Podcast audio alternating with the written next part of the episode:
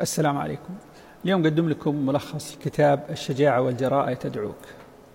آه، البعض يقسم الشجاعة والجراءة إلى نوعين جراءة أخلاقية وجراءة بدنية.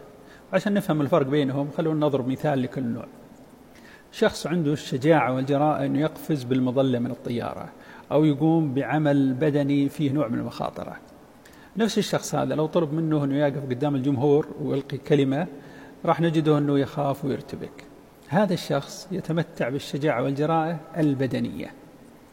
والعكس من ذلك لو شخص عنده الشجاعة والجراءة أنه يقف أمام الجمهور ويتكلم لوقت طويل لكن لا يستطيع أن يقوم بأعمال فيها مخاطرة.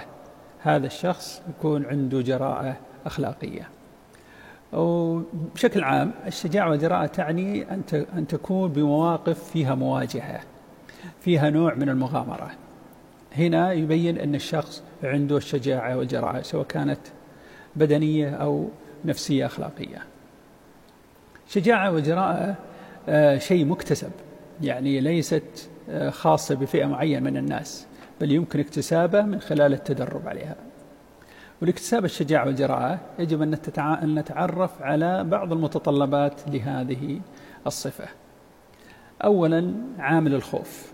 يجب العمل على التخلص وكسر حاجز الخوف. من خلال مواجهة ما نخاف منه.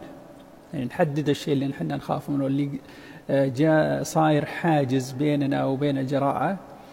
بعد تحديده نبدأ نواجهه بأن نفعل الشيء اللي يمنعنا الخوف من فعله. بذلك أنت تكسر حاجز الخوف وتدخل إلى عالم الجراءة. ثانيا يجب الخروج من الروتين.